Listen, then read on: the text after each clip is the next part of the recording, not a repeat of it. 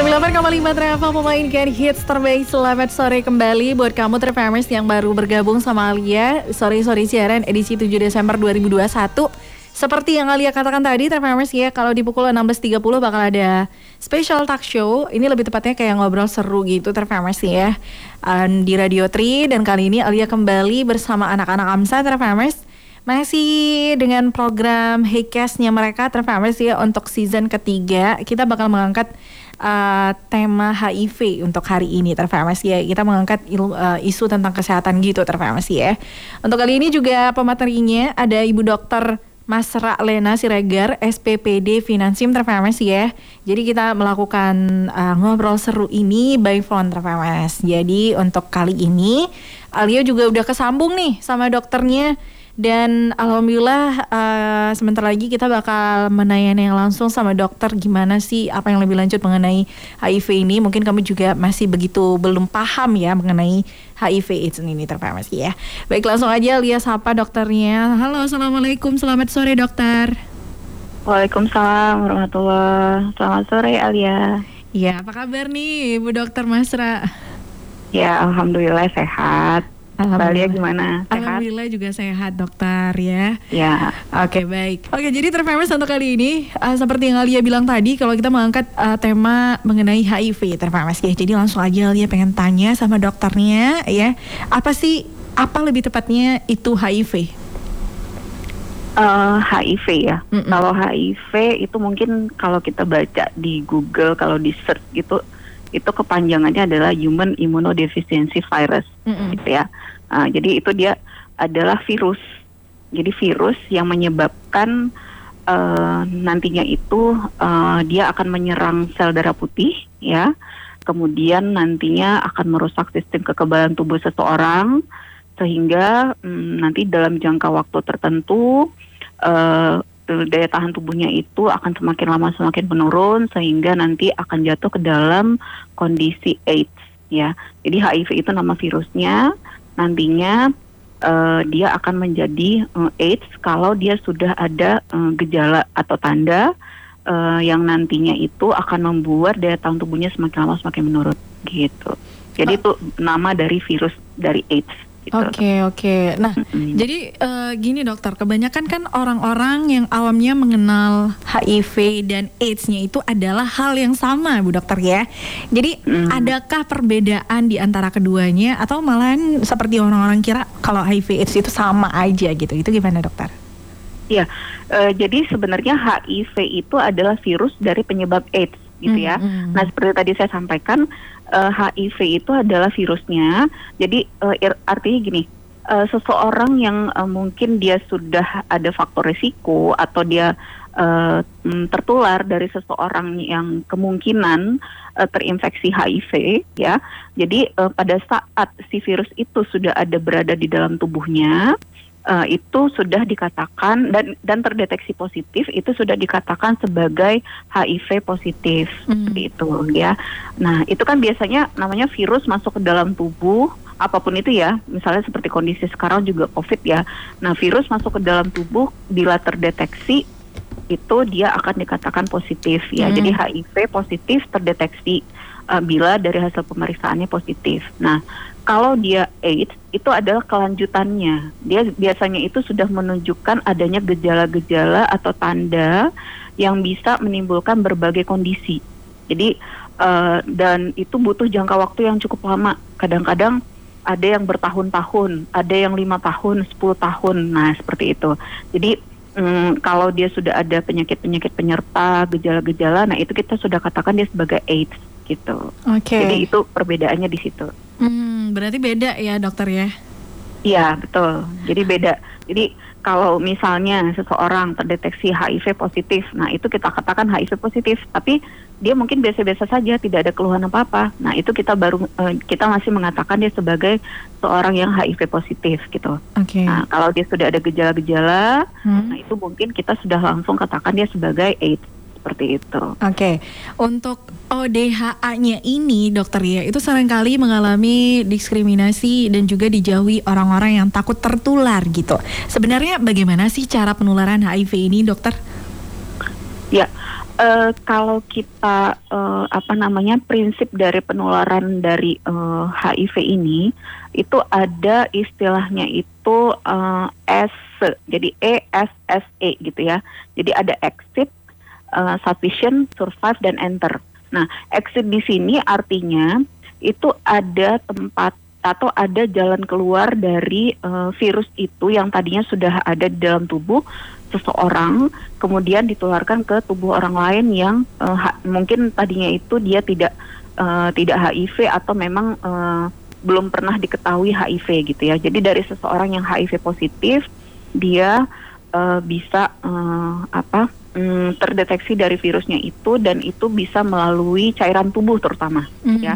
Nah, kemudian survive. Nah, kalau survive itu dia biasanya adalah hmm, kalau kita katakan cairan tubuhnya tadi itu karena si yang cairan tubuh itu yang mengandung dari virus yang bisa bertahan hidup. Nah, virus ini kan dia butuh tempat ya, butuh tempat untuk bisa bertahan hidup. Jadi artinya dia tidak akan bisa bertahan kalau tidak di tubuh uh, yang hidup. Jadi dia harus berada di tubuh yang hidup. Jadi langsung kalau di luar seperti itu dia tidak akan bisa bertahan ya. Nah, kemudian yang ketiga itu tadi yang saya sampaikan sufficient.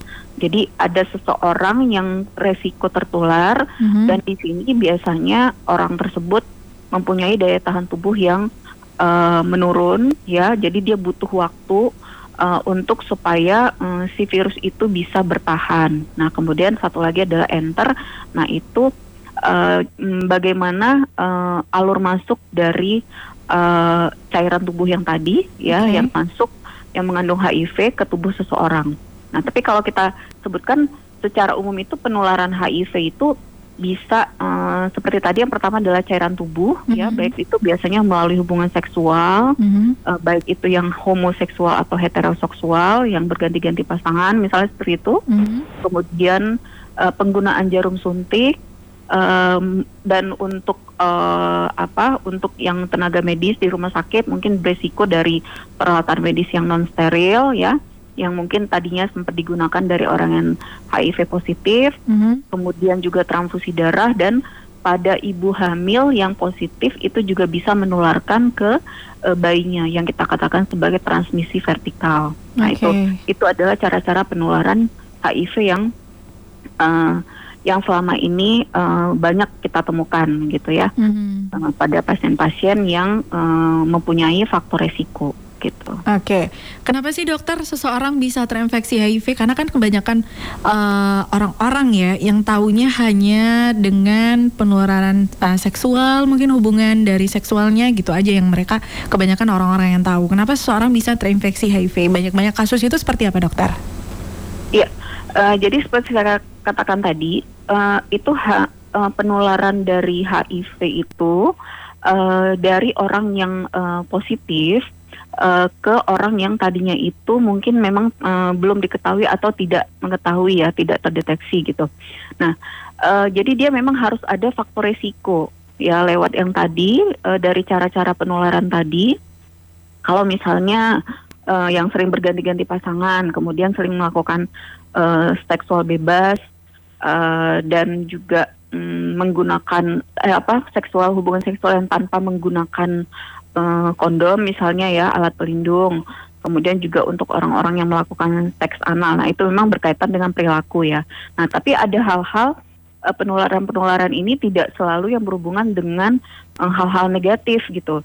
Seperti saya katakan tadi seseorang yang mungkin tadinya dia um, uh, pekerja atau orang di rumah sakit, uh, kemudian dia terkena tusukan jarum. Nah ternyata uh, dia baru melakukan uh, suntikan ke orang yang uh, HIV positif seperti itu. Nah juga seperti tadi yang ibu hamil ya, jadi itu uh, ibu hamil ya mungkin kebanyakan uh, kan kita tidak bisa tahu uh, janinnya mungkin bisa saja jadinya terinfeksi HIV seperti itu ya. Jadi ada hal-hal seperti itu. Nah kalau mungkin hal-hal negatif maka kebanyakan berkaitan dengan perilaku seperti tadi uh, melakukan hubungan seksual secara bebas, berganti-ganti pasangan, hmm. penggunaan jarum suntik ya, penggunaan narkoba seperti itu ya. Hmm. Memang tidak selamanya yang terinfeksi HIV ini uh, selalu uh, berkaitan dengan perilaku perilaku-perilaku negatif seperti itu. Baik, terima kasih dokter paparannya. Nanti kita bakal lanjutin lagi ya. Kita harus break dulu nih Bu Dokter gitu ya. Ya, oke. Okay. Oke, okay, tapi sebelumnya Trevers buat kamu yang pengen tanya-tanya sama Ibu Dokter uh, Masra ya mengenai HIV ini, pengen tahu lebih lanjut lagi karena kan ini penting banget ya.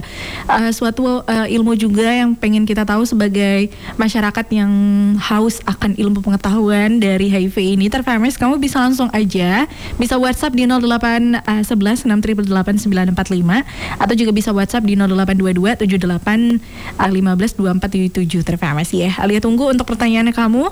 Jadi tetap sama Alia dan juga Ibu Dr. Masra di radio kesayangan kamu 94,5 FM Banda Aceh. 94,5 Travel memainkan hits terbaik masih dengan Alia Trevamers dan juga ada Ibu Dr. Masra di radio 94,5 Travel Banda Aceh. Kita lagi bahas mengenai HIV terfarmasi ya.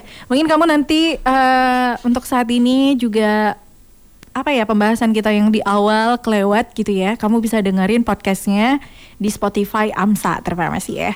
Baik, kita bakal lanjutin dulu tapi sebelumnya Ibu Dokter Alia dapat WhatsApp nih dari Lena yang di Lamdingin. Pertanyaannya katanya untuk penularan HIV ini bisa dari keringat atau air liur. Apakah benar ini Bu Dokter? Terus bagaimana atau ada cara nggak sih agar kita tahu bahwa dia terinfeksi HIV. Ini lebih ke ciri-ciri orang-orang yang terkena HIV ya dokter ya? Iya. Gitu. Gimana tuh jawaban dari ibu dokter? Silakan. Oke, okay. uh, eh, yang uh, pertama mengenai uh, dari keringat sama air liur tadi ya. Mm -mm. Ya, keringat sama air liur. Jadi uh, seperti saya katakan di awal, penularan HIV itu prinsipnya itu harus ada uh, uh, me, apa namanya media yang kita bilang itu adalah darah. Jadi okay. dia harus ada melewati darah ya. Jadi tidak seperti mm, kalau sekarang COVID mungkin tahunya itu kan dari droplet ya. Mm. Dari kalau misalnya ada orang batuk, bersin, uh, virusnya ada di dalam. Karena dia uh, virus yang uh, hidup ini uh, uh, dia um, berbeda-beda. Ada yang virus yang hidupnya di darah, hidupnya itu uh, di saluran pernapasan seperti itu ya. Nah, jadi kalau HIV ini dia di darah. Jadi dia bertahan hidupnya itu di darah. Uh, jadi kalau di keringat sama di uh, air liur itu kan tidak ada uh, apa? Tidak um, kalau kita bilang ya nggak ada darah di situ ya. Uh, jadi kemungkinan virus HIV ini tidak akan bertahan hidup di situ gitu. Okay. Uh, jadi kalaupun misalnya seseorang yang uh, bersalaman, kemudian uh, berpelukan seperti itu ya. Mm. Nah, itu tidak akan menularkan gitu dari seseorang yang terinfeksi HIV positif.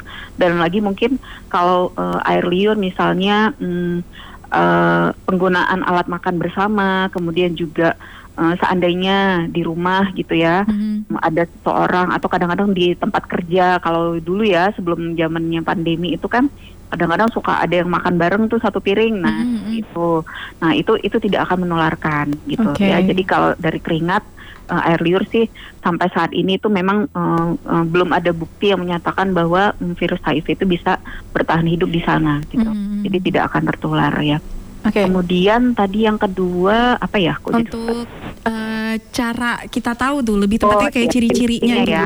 Iya, iya. Jadi seperti saya katakan tadi, uh, eh, HIV uh, itu adalah virusnya ya. Jadi begitu seseorang yang HIV-nya positif itu um, uh, apabila terdeteksi uh, di saat awal-awal itu dia tidak menunjukkan gejala apa-apa. Nah, uh, kita baru bisa mengetahui seseorang itu kalau dia sudah mulai masuk ke uh, stadium AIDS ya. Mm-hmm. Karena di sini biasanya sudah ada tanda dan gejala. Jadi kalau orang yang HIV positif yang masih baik-baik saja, itu mungkin saja uh, daya tahan tubuhnya masih baik ya. Biasanya kita lakukan pemeriksaan itu namanya CD4 ya CD4. Uh, itu CD4 ini kalau pada orang normal itu di atas uh, 700, 900 bahkan 1000 gitu ya. Mm-hmm. Nah, itu uh, dia baik-baik saja seperti orang yang non HIV gitu. Jadi uh, uh, dia uh, tidak menunjukkan gejala apa pun ya. Jadi kita tidak bisa tahu kalau untuk orang yang HIV positif. Nah, kebanyakan kita baru bisa ketahui kalau sudah mulai ada uh, ke arah AIDS gitu karena hmm. dia sudah mulai ada gangguan uh, baik itu di uh, sistem organ di kulit di saluran pernapasan saluran cerna seperti itu ya dan juga bahkan kalau yang paling uh, biasanya tuh kalau kalau ke dokter itu kadang ketahuan uh, kok ini kesannya seperti ada penyakit menular seksual. Nah, itu mungkin bisa saja itu tanda-tanda dari seseorang yang kita harus curigai kemungkinan HIV. Eh apa maaf uh, AIDS gitu. Oke. Okay. Ya. Nah, apakah ada uh, dokter orang-orang tertentu gitu ya yang lebih beresiko atau rentan terinfeksi HIV ini daripada orang lain? Uh, kalau orang-orang tertentu itu yang pasti adalah kalau uh, misalnya uh, suami istri, mm-hmm. kemudian salah satunya itu yang mungkin sering berganti-ganti pasangan gitu ya. Kemudian pada kelompok yang uh, sering um, mungkin pada pekerja tertentu ya, uh, sehingga uh, apalagi dia dengan uh, tidak menggunakan uh, alat uh, pelindung seperti tadi ya, contohnya kalau uh, bekerja uh, melakukan hubungan seksual yang tidak menggunakan kondom seperti itu. Nah, kemudian juga uh, yang pasti adalah tenaga kesehatan. Nah, kita itu juga mempunyai uh, faktor resiko, artinya orang yang sangat rentan untuk bisa terinfeksi gitu. Uh, karena uh, mungkin saja uh, ada pasien yang tadinya sebenarnya dia HIV positif, tapi kadang-kadang dia karena ketakutan atau tidak um, ingin diketahui oleh orang lain pada saat sampai di rumah sakit uh, kemudian uh, tenaga kesehatannya melakukan penyuntikan um, obat misalnya mm-hmm. secara tidak sengaja mungkin tertusuk oleh uh, jarum suntik yang telah digunakan dari HIV positif tadi. Okay. Nah kemudian yang pasti satu lagi uh, yang tadi bayi ya kalau mm-hmm. Seorang ibu yang HIV positif kemungkinan uh, resiko untuk kebayinya itu um, akan terinfeksi HIV gitu. Oke. Okay. Nah, ini kan lagi di masa pandemi nih dokter ceritanya ya.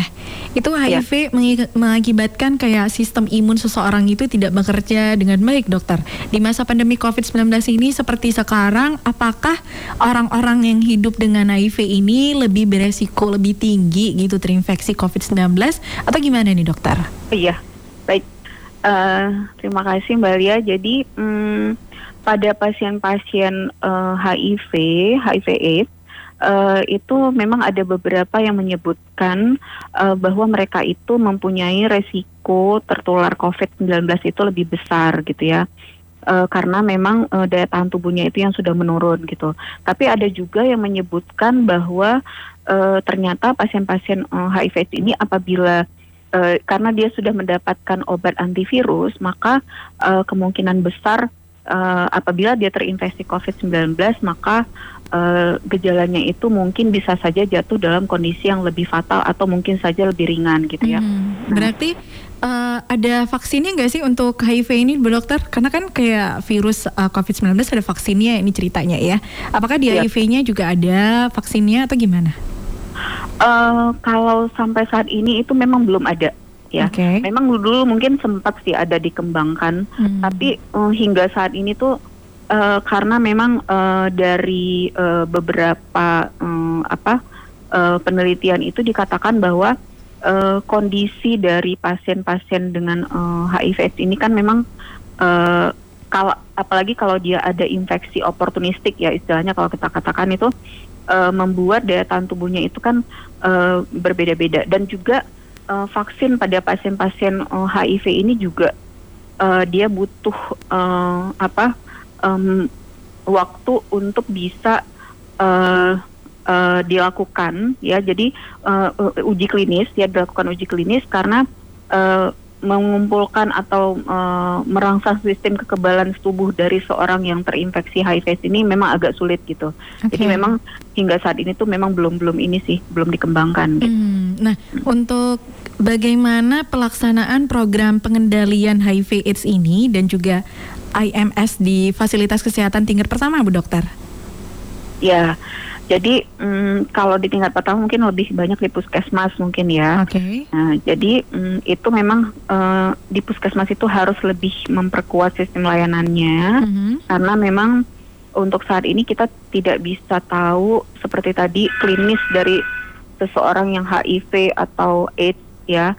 Uh, kalau AIDS mungkin sudah kelihatan, tapi kalau untuk HIV positif, apalagi orang-orang yang punya faktor resiko gitu ya, mm -hmm. uh, itu tidak bisa diketahui dengan pasti. Jadi uh, harus dilakukan uh, uh, layanan kesehatan yang um, secara komprehensif mm -hmm. ya dan juga berkesinambungan terutama pada orang-orang yang kita katakan sebagai populasi kunci ya. Oke. Okay. Nah, uh, itu mungkin untuk yang screening. Mm. Tapi kalau untuk orang-orang yang memang sudah terinfeksi positif seperti itu. Nah, sekarang ini kan penyediaan obat-obat HIV itu uh, dia sudah uh, dapat di fasilitas layanan primer gitu ya. Mm-hmm. Jadi mm, supaya pasien-pasien itu tidak harus datang ke rumah sakit seperti itu ya. Baik. Dan juga mungkin kalau dia punya faktor risiko, dia bisa melakukan uh, pemeriksaan lebih awal uh, supaya bisa diketahui dengan pasti dan mendapat penanganan yang lebih uh, uh, lebih cepat gitu. Mm-hmm. Uh, tidak sampai dalam kondisi yang berat seperti itu. Baik. Dan yang pasti mm-hmm. uh, satu lagi uh, puskesmas juga berperan itu dalam hal untuk mm, pasien-pasien yang mendapatkan ARV ini mereka bisa mendata uh, supaya obat-obatannya itu tetap rutin dikonsumsi dan juga uh, kalau misalnya obatnya uh, habis ya mereka bisa menjamin adanya ketersediaan obat sehingga tidak uh, lost follow up dari obat-obat uh, anti retroviral yang dibutuhkan oleh pasien-pasien HIV/AIDS ini. Gitu. Baik, berarti uh, semuanya uh, lengkap ya dokter ya, ada di Puskesmas juga ya? Iya. Oke. Okay. Betul. Apakah kita harus melakukan tes rutin untuk HIV/AIDS ini, dokter? Karena kan kita uh, kayak gejala pertama kalau nggak uh, terkena sampai AIDS-nya itu nggak begitu uh, ngefek ya di tubuh kita ya, dokter ya? ya? Tidak kelihatan. Uh, uh, itu gimana tuh menurut dokter? Ya. Uh, kalau untuk populasi kunci seperti tadi saya katakan biasanya mungkin yang memang dia mm, tidak bisa menghindari dari pekerjaannya mm-hmm. atau juga untuk pekerjaan um, apa pekerja seks terutama ya. Nah kemudian juga untuk orang yang uh, kelompok-kelompok seperti uh, kalau kita katakan itu uh, LSL ya, yang lelaki suka lelaki atau kelompok gay atau uh, lesbi misalnya seperti itu ya. Mm-hmm. Nah, itu mereka populasi-populasi kunci itu biasanya dianjurkan memang melakukan pemeriksaan rutin paling tidak enam bulan sekali gitu. Itu untuk tes rutin HIV-nya. Nah, kemudian kalau untuk uh, ibu hamil itu sudah ada program dari pemerintah yang uh, istilahnya triple eliminasi. Nah, triple eliminasi ini memang pada ibu hamil itu sudah dilakukan uh, tes rutin, artinya screening uh, triple di sini adalah tiga, yaitu HIV, hepatitis, hepatitis B dan juga sifilis. Nah itu memang sudah rutin dilakukan gitu ya. Ke, kemudian satu lagi kalau pada tenaga kesehatan mungkin kalau memang dia punya uh, artinya sempat ada tertular, nah itu mungkin kita rutin melakukan pemeriksaan gitu. Tapi kalau tidak ada resiko tertular tidak kita lakukan gitu. Jadi pada kelompok-kelompok itu yang rutin kita lakukan untuk pemeriksaan dari uh, tes HIV ini. Oke. Okay.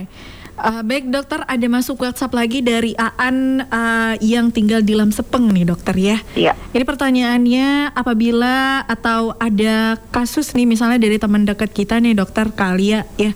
Uh, jadi uh, teman kita terinfeksi HIV/AIDS, apa yang harus kita lakukan gitu? Apakah kita harus menjauhinya atau gimana nih dokter? Silahkan. Ini dari iya. Aan yang tinggal di Lamsepeng.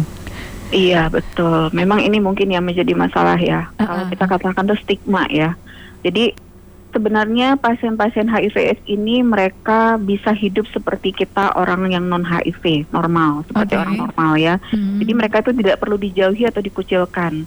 Karena kita tahu tadi penularannya bagaimana gitu. Jadi harus ada media darah di sana. Harus ada lewat darah. Jadi seperti tadi bersalaman, berpelukan, bahkan mungkin uh, cium uh, cepika-cepiki gitu ya kalau mm -hmm. zaman uh, sebelum non pandemi kan suka kadang-kadang kalau ketemu teman lama gitu ya. Mm -hmm. Nah, itu itu tidak tidak menularkan dari uh, uh, apa namanya uh, seperti yang tadi. Nah, uh, jadi mereka itu tidak perlu dijauhi atau dikucilkan ya. Tapi mungkin yang menjadi masalah adalah uh, kita harus menjaga privasi dia karena uh, di satu sisi eh, beberapa pasien-pasien yang memang sudah diketahui HIV positif ini dia tidak ingin statusnya diketahui. Okay. Bahkan kadang dalam keluarga juga tidak ingin diketahui. Tapi kalau misalnya uh, uh, harus uh, apa uh, bekerja seperti itu ya, kadang-kadang bahkan teman dekatnya juga nggak ada yang tahu gitu ya. Mm-hmm. Dan yang pasti adalah uh, kita uh, kalau misalnya tahu ada teman uh, usahakan uh, dia harus menjalani pola hidup sehat ya uh, dan juga yang pasti tidak melakukan hal-hal yang uh, seperti tadi menimbulkan penularan HIV ya mm-hmm. uh, melakukan apakah transfusi darah atau mungkin tetap masih melakukan hubungan seksual berganti-ganti pasangan tanpa menggunakan kondom seperti itu ya. Dan juga uh, satu lagi mungkin uh, edukasi ya. Jadi pengetahuan tentang HIV/AIDS ini sendiri gitu. Bahkan kadang-kadang terus terang saya bilang beberapa tenaga kesehatan juga kadang-kadang masih uh, kalau misalnya seandainya ketemu dengan pasien HIV um, AIDS positif uh, mereka seperti um, terkesan uh, tidak begitu melayani mungkin ya mm-hmm. ada beberapa uh, uh, sampai seperti itu tapi sebenarnya tidak harus seperti itu ya okay. dan yang pasti adalah harus menjaga kesehatan ya dengan melakukan pola hidup sehat itu pada pasien-pasien HIV ini. Oke, okay, karena kan kebanyakan orang-orang kalau udah ketemu nih sama orang yang positif HIV/AIDS itu agak sedikit menjaga jarak atau ngerasa takut gitu, lebih terkesannya gitu ya dokter ya. Padahal kalau iya. tidak terkena darahnya tidak apa-apa ya dokter ya. Iya betul. Oke okay, ya. baik. Mungkin mungkin uh, kalau saya sampaikan sedikit, uh, uh, boleh silakan. ada luka, luka terbuka gitu ya uh -huh. pada seseorang. Nah itu kan kita nggak boleh menyentuhnya gitu. Nah uh -huh. itu hmm. mungkin yang takutnya kalau misalnya ada ada darahnya seperti itu, uh -huh. gitu sih. Oke. Okay, Jadi harus berarti... ada media darah. Oke, okay, berarti kalau ada teman-teman Trifamers atau uh, keluarga minta-minta jangan ya, jangan sampai terkena HIV/AIDS ini. Ya kita nggak perlu menjauhi dia, kita hanya perlu mengingatkan lagi untuk menjaga pola kesehatannya baik lagi gitu ya, tes-tes rutin atau minum konsumsi obat gitu mungkin dokter ya. Oke, okay. yeah. baik. Mungkin untuk pertanyaan terakhir nih dokter ya, apakah tantangan terbesar dalam mewujudkan Indonesia yang bebas epidemi HIV ini menurut dokter gimana? Ya, ini memang uh, menjadi masalah ya. Waktu dulu itu kita sempat berharap di tahun uh, 2020 kita bisa menghadapi uh, zero uh, zero penularan, zero um, kasus kematian dan sebagainya. Tapi sekarang kita diperpanjang lagi menjadi 2035 seperti itu ya. Okay. Nah, uh, ini uh, karena kita ketahui kalau dulu itu sempat dikatakan uh, eh, HIV/AIDS ini juga sempat mengalami pandemi, tapi sekarang sudah diganti istilahnya menjadi epidemi. Mm-hmm. Nah itu uh, mungkin di, pada beberapa uh, daerah yang memang kalau kita lihat di daerah Afrika itu tinggi sekali masih kasusnya karena memang di sana cukup bebas segala sesuatunya gitu ya. Mm-hmm. Nah ini uh, yang pasti adalah uh, bagaimana cara kita untuk mencegah penularan itu satu ya, mm-hmm. mencegah penularan.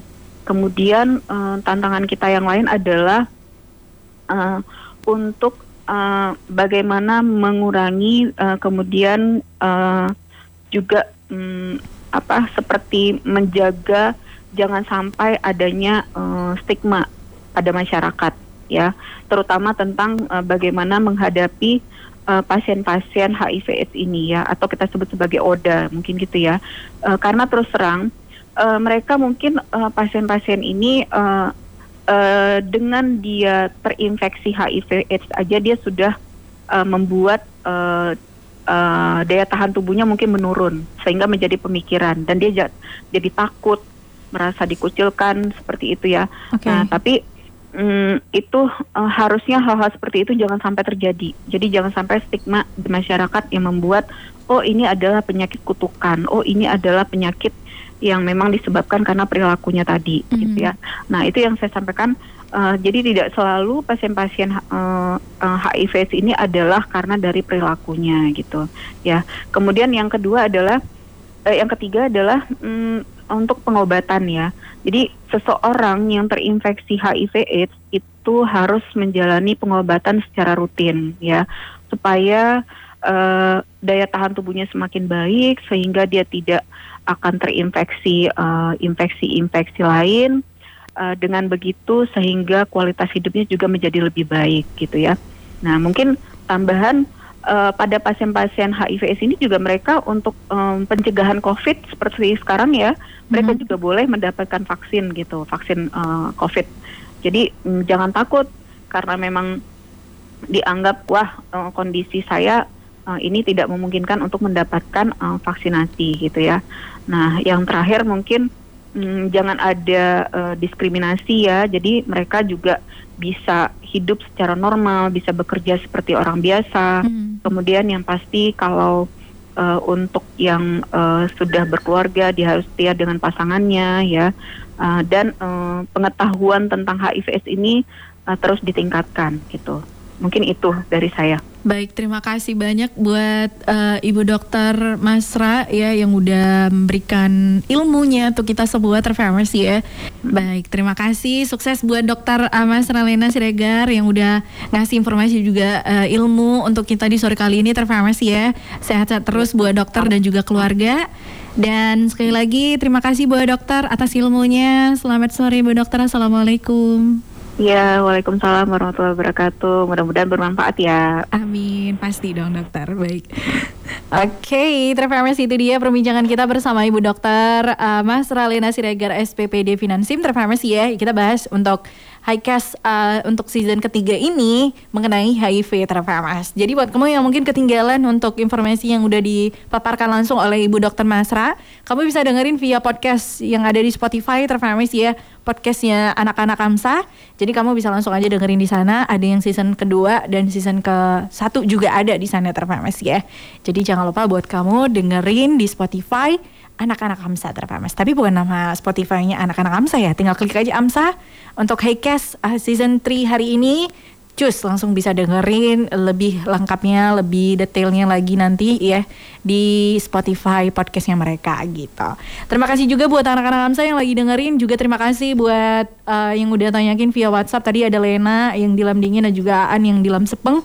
Pertanyaannya semoga kita sehat-sehat terus terfamas ya terhindar dari penyakit-penyakit yang uh, tidak kita inginkan gitu terfarmasi ya. Semoga juga kamu uh, terus sehat-sehat ya peduli juga sama teman-teman kamu serta orang-orang yang kamu sayangi untuk terus menjaga kesehatannya gitu. Ingetin Refamas, jangan ingetin diri kamu doang. Emang bener sih, lebih baik mencintai diri sendiri baru orang lain gitu ya. Tapi juga kita harus aware dengan lingkungan kita, teman-teman kita, keluarga kita juga kita harus menjaga gimana pola kesehatannya mereka. Ya sekedar ingetin juga nggak masalah Refamas ya. Ya hitung-hitung untuk nambah pahala juga gitu ya.